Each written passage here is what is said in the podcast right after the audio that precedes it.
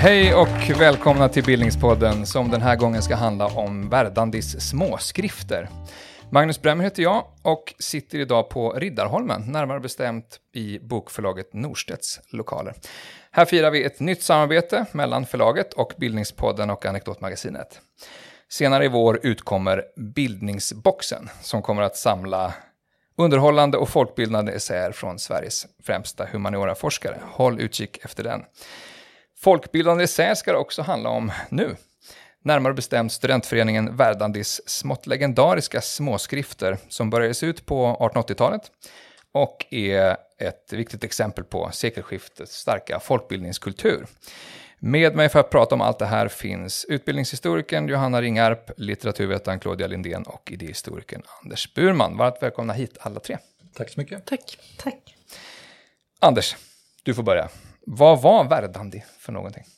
Ja, jag har blivit ombedd att ge en sån här lexikondefinition här. Ja. Jo, men Verdandi det var en radikal studentförening som bildades i Uppsala 1882. Initiativtagare och första ordförande var den unge Karl Stav, eller Staff, som sedermera skulle bli liberal statsminister.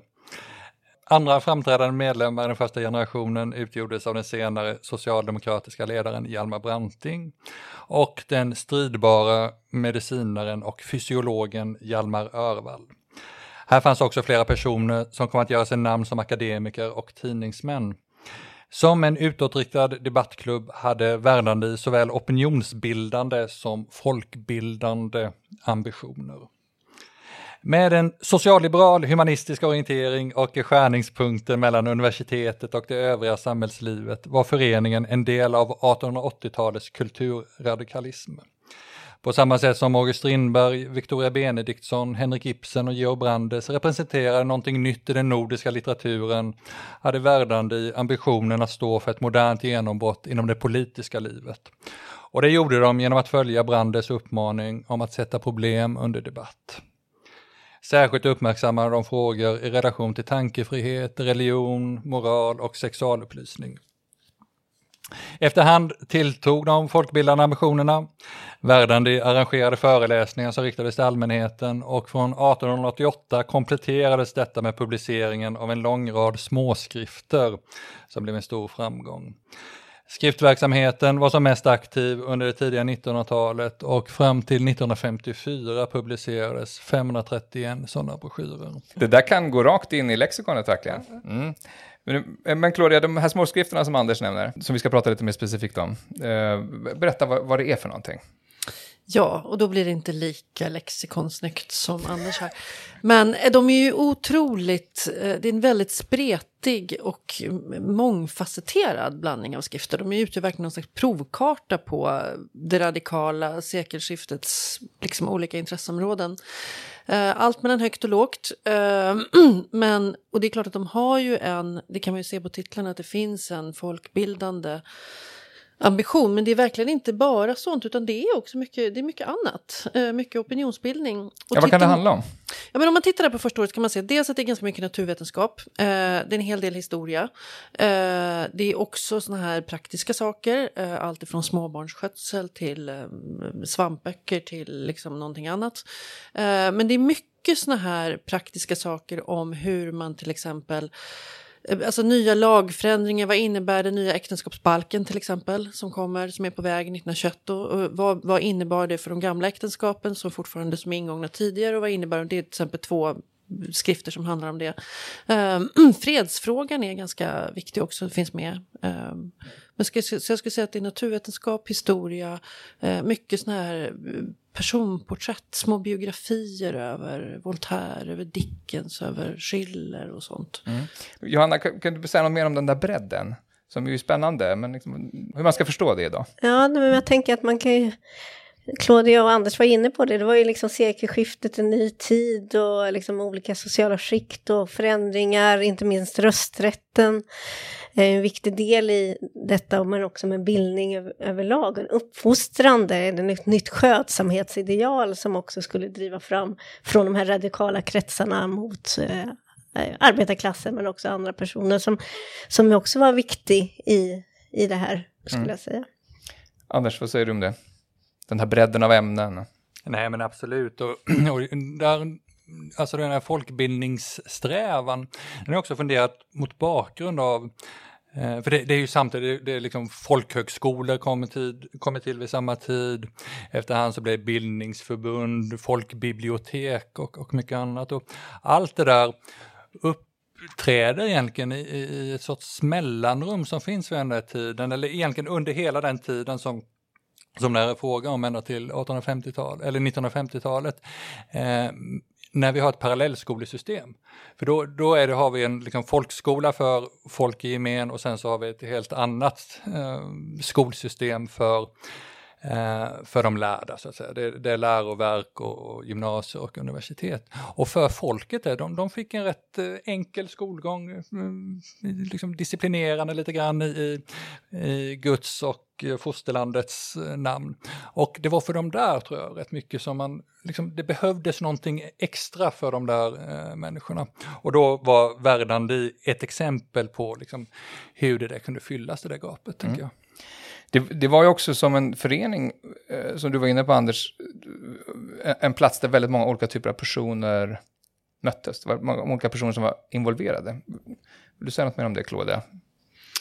Ja, men ett, ett sånt exempel som är intressant är att eh, Ann-Margret Holmgren till exempel, som hon var faktiskt hon blev sedermera en, en enormt stridbar och jättekänd ledare för Landsföreningen för kvinnans politiska rösträtt.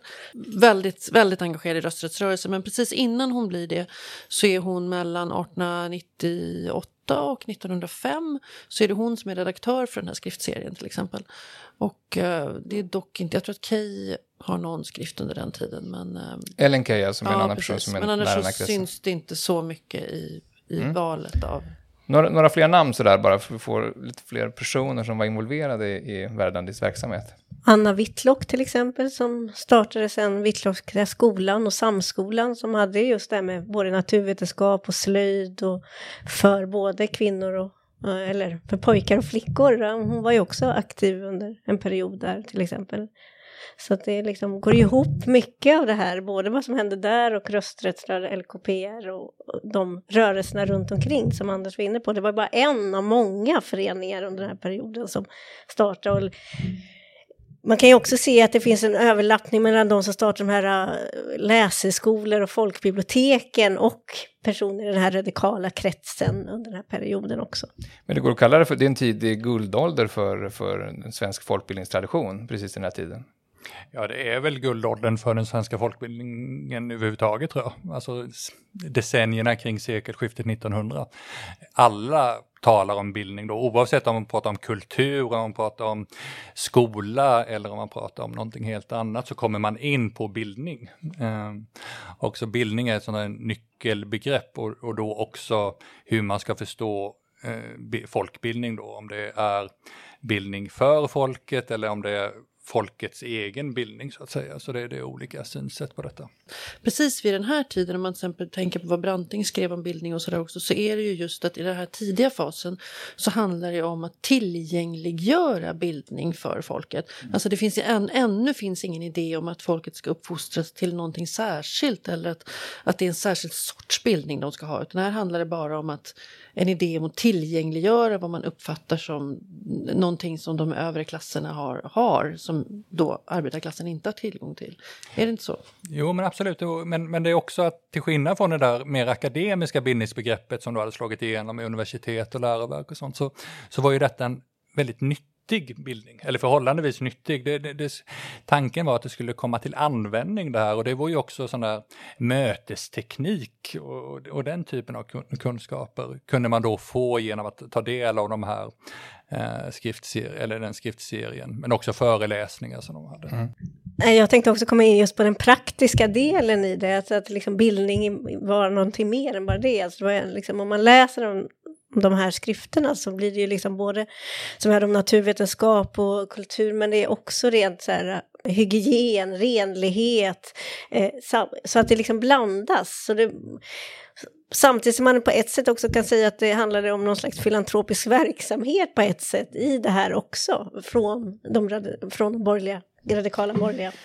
Claudia, det du är inne på där med att, att det, var, det var tillgängliggörande snarare än liksom ett formande av en särskild medborgare. Är, är det en skillnad mellan sekelskiftets folkbildningskultur och, och kanske när man går, kommer längre fram i, i 1900-talet? Ja, ja, precis. För sen, sen när man kommer lite längre in på 1900-talet så, och väl egentligen framförallt där under mellankrigstiden och senare så blir det ju mer Ja, det blir mer en idé om att, om att man ska forma folket till någonting visst, där folket också ska vara liksom till nytta för hela samhället. Här, här är det än så länge att det finns ingen idé om vad, vad som ska hända, utan mer, här handlar det mer om att oj, nu öppnar vi slussportarna eh, till kulturen och bildningen till de som inte haft tillgång till det. Och det gör ju också att det blir en väldigt kreativ fas i synen på bildning. Och någonting annat som är slående här tycker jag när man läser de här tidiga broschyrerna det är att man har ett väldigt brett bildningsbegrepp som vi varit inne på. Och då är det inte så senare under 60-talet, 1960-talet så kommer man att prata om de två kulturerna, att, att humanisterna hade fått ett sorts monopol på, på bildning. Men så var det verkligen inte här, utan det var då naturvetenskaplig bildning, det var politisk bildning, det var en sorts etisk bildning. Och, och, och eh, estetisk bildning. Det extra, väldigt mycket talas här om, om eh, ja, det, estet, det sköna och, och, och, det var inte heller det där som, som Claudia sa just att, att det var inte ännu, hade det inte blivit smakfostran utan det, det kunde vara många andra saker som, och det där är rätt fint tycker jag att, att, att det, det är lite mindre snobbigt här. Mm, här handlar det om att tillgängliggöra kanske konsthistorien. Ja, men verkligen. Mm. Ja. Mm. Det är också ett möte mellan, mellan liksom politiska ideologier lite grann. Man talar om, om att det, Verdandi ska vara plats för, för, för, både liberalism och arbetarrörelse. Man pratar om radikal humanism. Anders, vill du säga något mer om vad, man, vad menar man med, med det begreppet? Nej, men det är väl precis detta att, att, och, och, att Eh, såväl vad ska man säga, socialliberaler och, och socialdemokrater, att de har väldigt mycket gemensamt och att detta fortfarande kunde vara en oerhört eller uppfattas som en väldigt radikal uh, inställning till, till samhället. Radikal så tillvida liksom, eh, att man ville ändra någonting från roten, eller till, till, till, till sin rot. Uh, och det hade ju de gemensamt här. Och väldigt mycket då en gemensam fiende som var det gamla konservativa ståndssamhället som man ville komma bort från. Mm. Om vi ska zooma in lite grann på, på skrifterna då framförallt. Vad kan, man, vad kan man tänka sig att ambitionerna var med de här skrifterna? Vet vi vad ambitionerna var?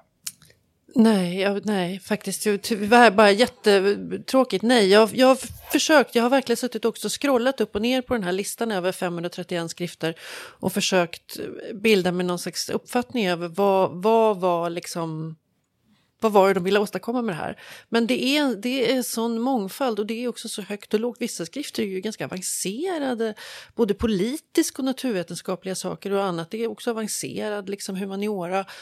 Och sen följs det av ganska enkla grejer. Så att, Idag har man ju ofta en målgrupp när man gör saker och ting. Hade man en målgrupp här? Jag har faktiskt en känsla att det, det, de, var, de, de är bortom målgruppsgrejen.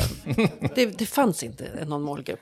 Men, men vilken typ av utgivning konkurrerade man liksom med? Kan vi en bild av utgivningslandskapet vid 1888 eh, börjar man ge ut de här fram till 1954. Men, men om man tänker sig där i början, vad, vad, vilken typ av litteratur är det man konkurrerar med?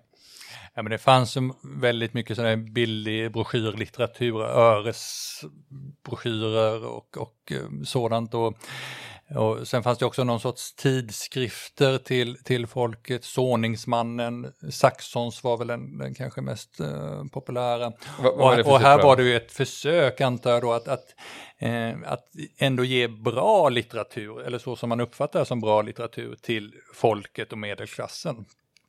Så, så måste det ha varit. Och, och jag, jag, har inte sett några uppgifter om i vilka upplagor de här, eller hur stora upplagorna var, men, men flera skrifter kan man ju se, detta tredje, fjärde, femte upplagan, så de måste ha tryckts om rätt många gånger i alla fall. Jag har ju bett er att välja ut en skrift i den här långa serien. En favorit eller någon skrift som ni tycker är särskilt intressant. Jag tänker att eh, Johanna får börja. Mm. Vad, har du, vad har du valt?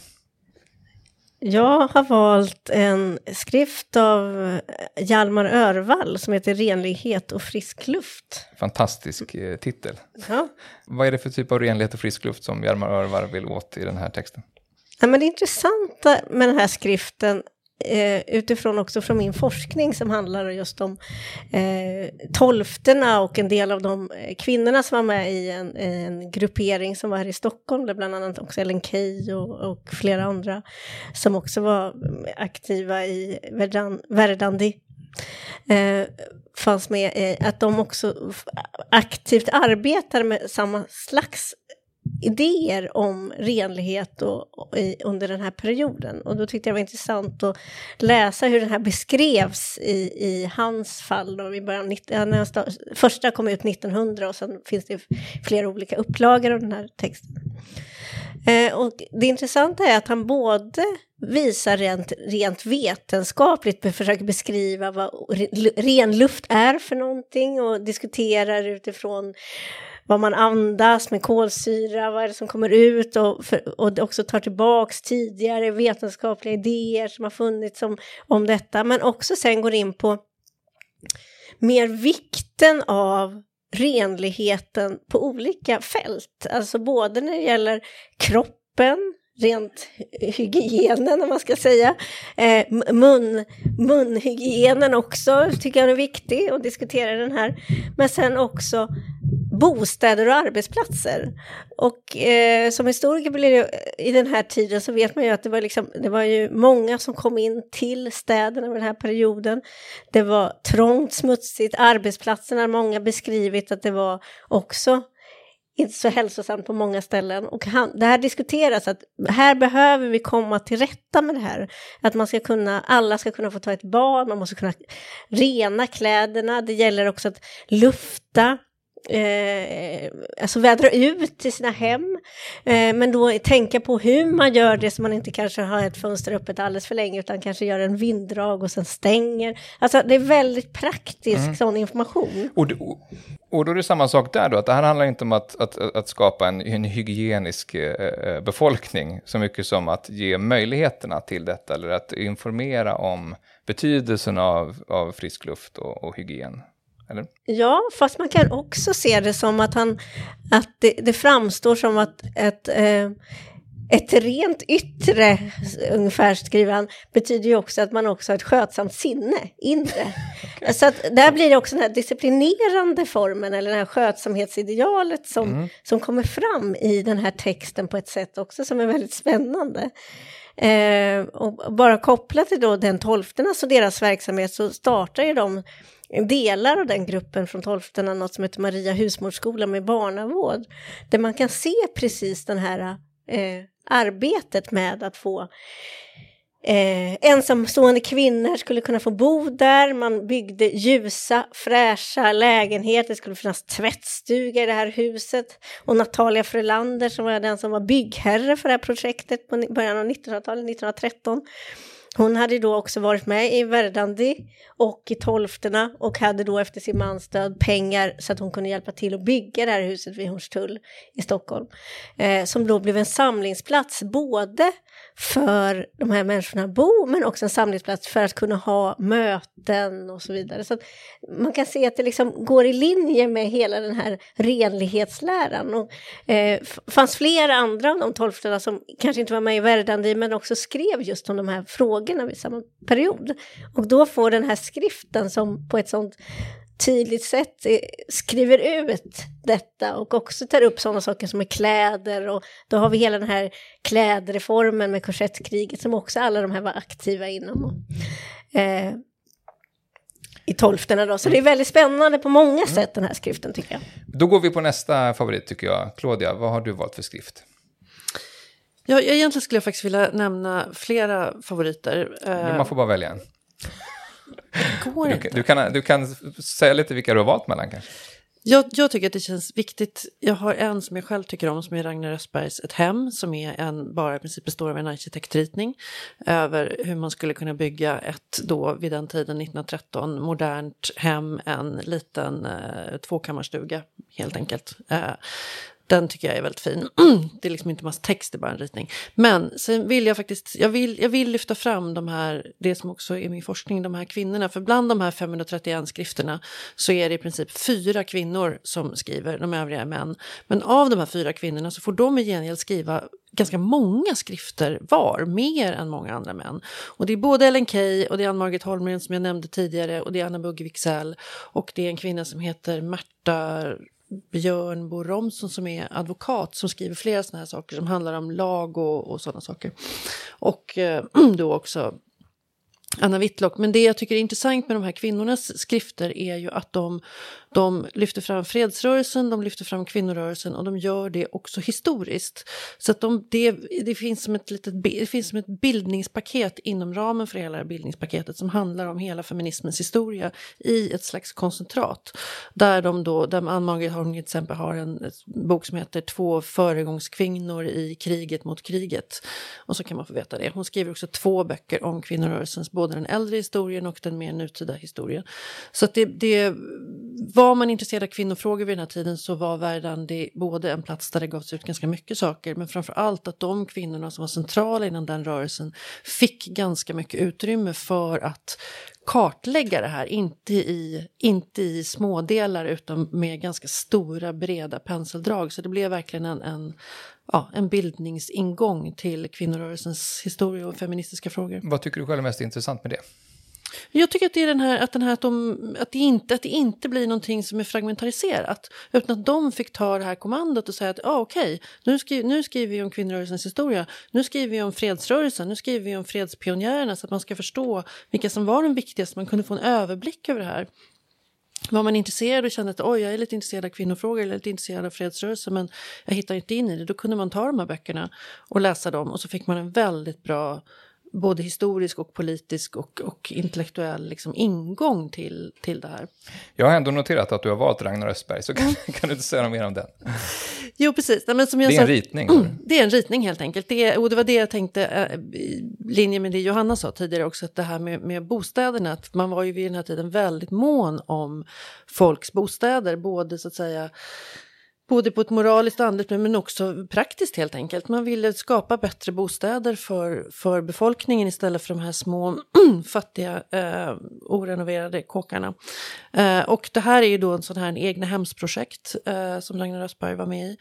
Eh, där man då kunde, men det som är fint med den här boken är att då för 50 öre som jag tror att den kostade, som jag inte riktigt vet hur mycket det var, så fick man alltså då en hel ritning så att man själv kunde bygga det här huset. Så det är inte en inspiration Eh, alltså det är inte som Sköna Hem eller någonting idag där man bara tittar på fina bilder utan det är en, det är en fullskalig liksom, arkitekturritning med allt ifrån var kakelugnarna ska stå, hur verandan ska byggas och taket och alltihopa. Och även med möbler. Eh, så att man kunde bygga hela sitt hem om man var duktig. Och det lär ha gjorts det också. Någon gång har jag fast jag inte vet var, men jag, jag har letat efter de bilderna. Men jag har sett bilder på några sådana här hus som byggdes någonstans faktiskt. Mm. Ja, hur hänger det ihop med egna hems-idén sa du? kanske ska säga något mer om vad det var också? Nej, men den här rörelsen om att folk skulle kunna då få, få bygga och skapa sina egna hem, eh, mindre, mindre villor till, till det lägre, vad ska man säga, borgerskapet eller till arbetarna, men man skulle kunna äga sitt eget hem.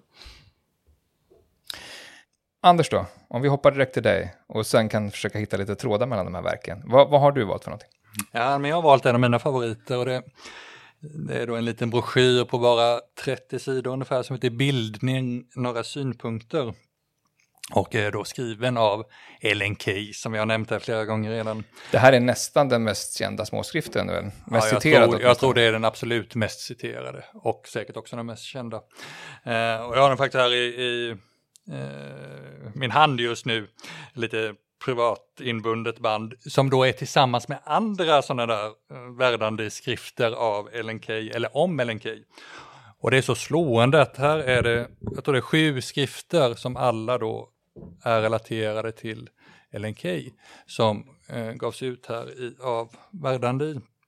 Och det är sådana som Skönhet för alla, Fredsrörelsen som Claudia pratade om, individualism och socialism. Och, Eh, och hon var helt klart en av de mest flitiga värdande skribenterna.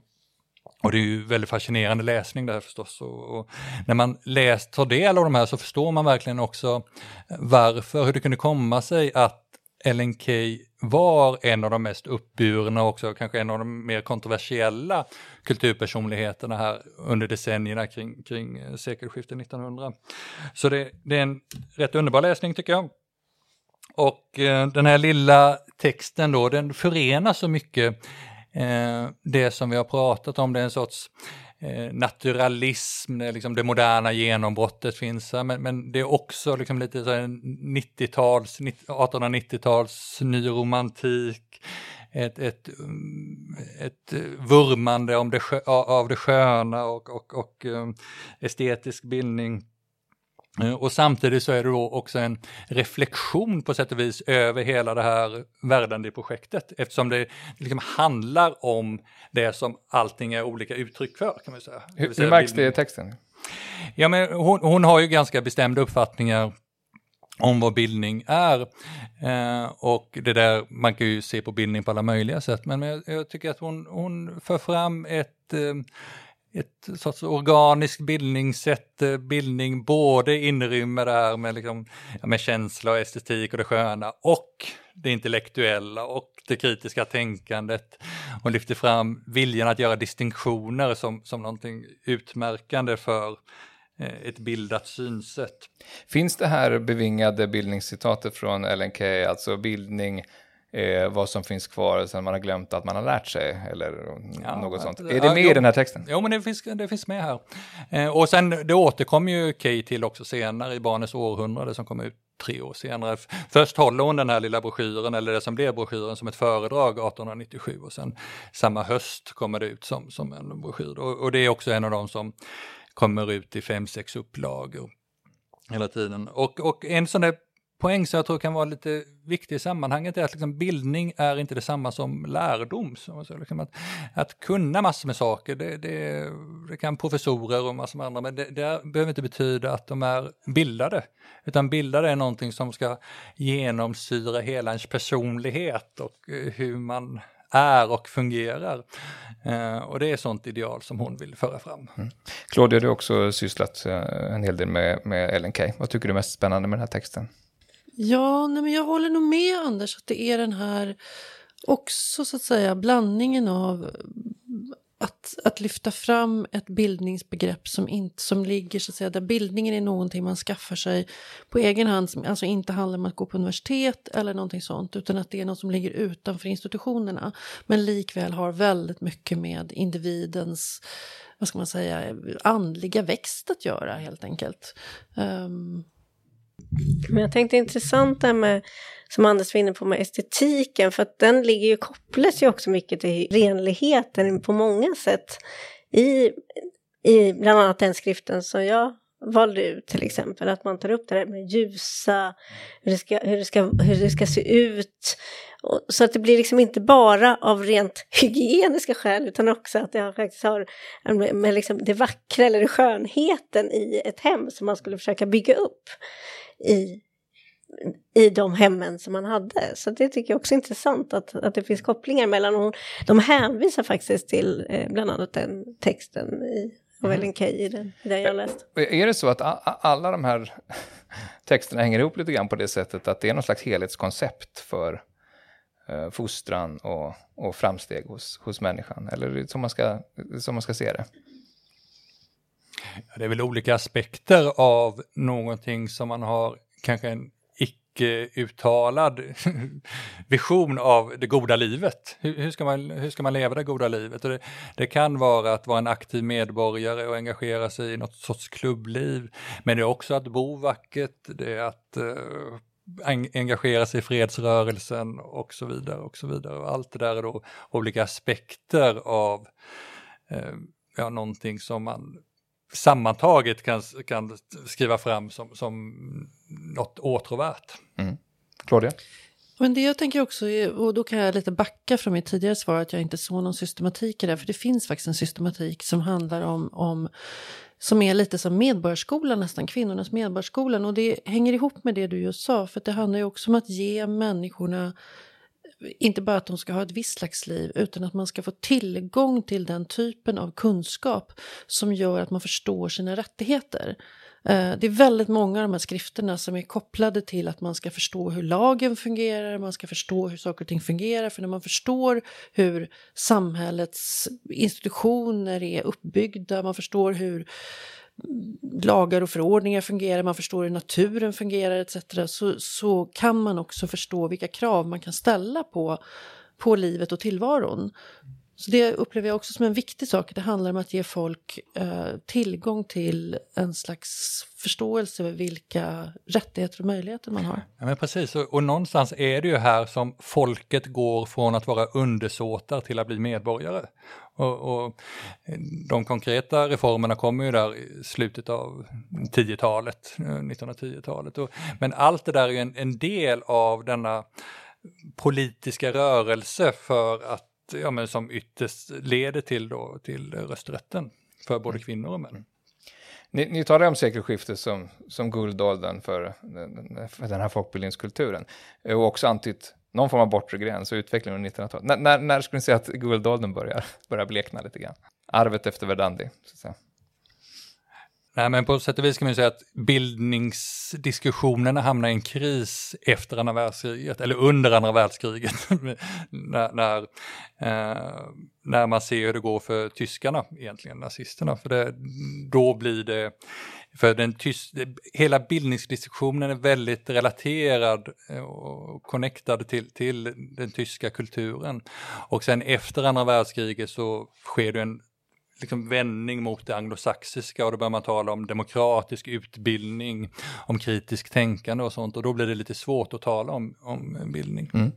Johanna, vad, vad är det som finns kvar ändå av det som etableras kring sekelskiftet som följer med in i 1900-talet sen?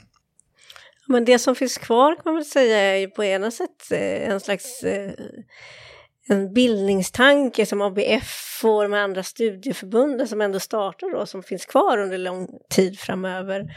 Eh, folkhögskolorna likaså, alltså den här om man ska säga en, bildningsinstitutioner ut, alltså i civilsamhället mer än det statliga. Men, medan man å andra sidan kan se att det blir mycket mer statliga bidrag till sånt så att de kommer in i ett annat system sedan och kanske blir mer av utbildningen än, än tidigare. Så finns det ändå den idén kvar om en, en bildning i civilsamhället kvar under lång, lång tid. Mm. Och som är ett arv efter den här perioden kan man säga. Ja, skulle jag säga. Mm. Och, och där är det ju, jag tycker det är ett sånt underbart citat av Palme, Olof Palme 1969, där han talar om Sverige som en studiecirkelsdemokrati. Och, och, och, det tror jag inte man skulle kunna göra i något annat land i världen egentligen. Och, och då hörde jag också till saken att Palme, han tyckte inte om ordet bildning. Han talade hellre om utbildning och utveckling och allting sånt där. Men, men trots det så, så var det någonting i den här folkbildningskulturen som, som gjorde att det präglade hela Sverige i hög grad. Fram till det. Och, och sen är det också slående att, att det går en linje egentligen från Alva och Gunnar Myrdal på eh, 1940-talet, 1930-40-talet via Palme och sen in till många samtida politiker, inklusive Jan Björklund, som då inte har talat så mycket om bildning, utan som föredrar att, att uh, tala om det i termer av utbildning. För bildning är också lite fluffigt, det är svårt att definiera eh, och så vidare. Och då har bildning ofta blivit ett motbegrepp. Man, man använder bildning för att eh, få syn på sådant som man inte får syn på när man talar om utbildning. Nu var Anders inne på liksom, eh, Olof Palme och den folkbildningskultur, vilket var, vikt, var väldigt viktigt. Men det finns ju också en, en, en bildning eller studieförbundskultur som kommer mer från Medborgarskolan eller nykterhetsrörelsen. Så det var inte bara det socialdemokratiska arvet utan en, liksom en större folkrörelse arv som fanns kvar länge som man också kunde se till exempel inom SFI som låg, alltså Sverige, eh, Svenska för invandrare som låg på bildningsförbunden, hade studieförbunden som hade ansvar för det från staten under lång tid fram på 70-talet, 80-talet eh, till exempel. Så det är också intressant att vissa delar fick de ändå ha kvar under längre tid än kanske andra. Men skulle ni säga att vi fortfarande lever i en, en studiecirkelsdemokrati eller en bildningsförbundsdemokrati? Eller, så. Finns det, är det här arvet levande idag? Nej.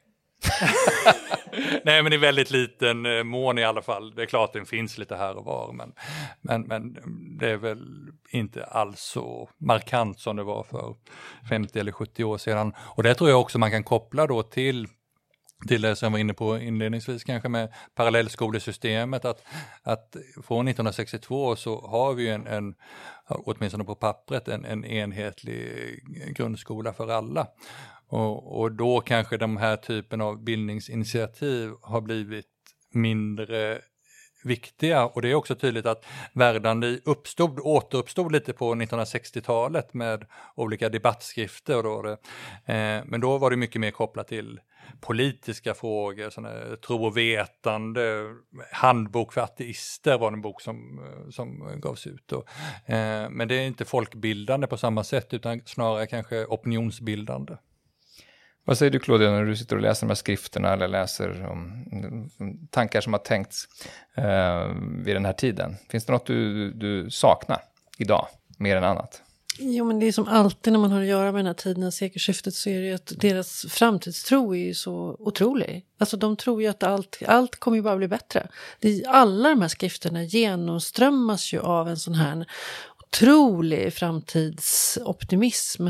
Och bara för att nämna ett exempel då som jag faktiskt tog med mig så är det att en av de tidiga skrifterna som kommer redan 1892 är Ingenjör André, alltså han med luftfärden som slutade väldigt illa för hans del.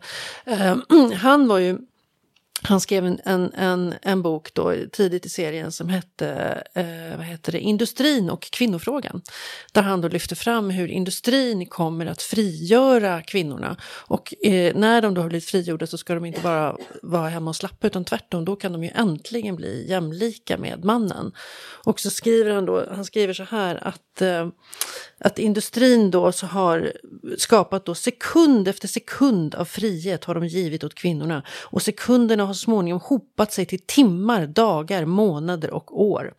Och allt detta då så kan man då göra, säger han då, att genom att delta i mannens arbete, säger han, på kontoret, i butiken, i fabriken, så skulle det bli betydligt bättre, så skulle eh, det bli en betydligt bättre samhällsmedlem och maka av kvinnorna. Mm. Så att, men det är just det här att man trodde liksom att, ja, med ganska enkla medel trodde man att världen kunde förändras och bli väldigt mycket bättre. Och det är den optimismen som jag alltid tycker är så eh, liksom fascinerande med den här perioden. Vad säger du Johanna?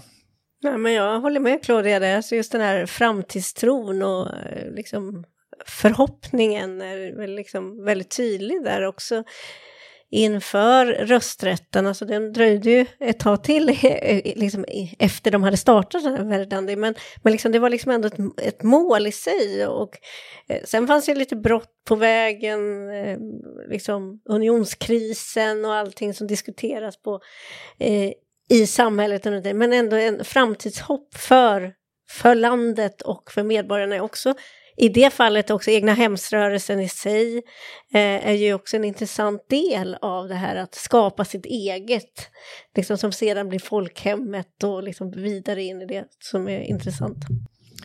Vi kanske inte har en tid just nu där vi har särskilt mycket framtidstro, men finns det något som eh, ni skulle vilja ta med er från alla de tankarna som har kommit fram i, den här, i det här sammanhanget eh, i, in i vår tid?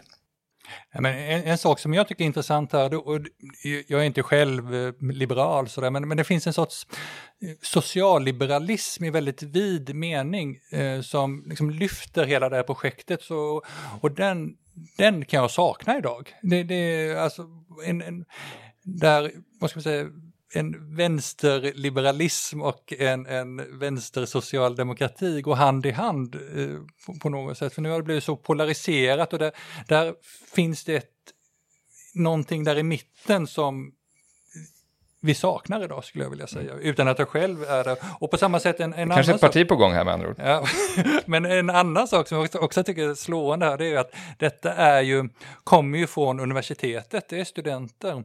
Och det, där detta är ju på sätt och vis samverkan när det är som bäst för att använda ett modeord idag. Eh, och det ser vi inte heller så mycket av idag. Det är väl Bildningspodden kanske och, och några andra initiativ. Men eh, det är väldigt inspirerande tycker jag själv. Det får vi låta oss inspireras av idag och det får bli dagens slutord. Tusen tack Johanna Ringarp, Anders Burman och Claudia Lindén för att ni vill vara med i Bildningspodden. Och tack också ni som har lyssnat här och i hörlurarna där hemma. Vi är snart tillbaka med ett nytt avsnitt.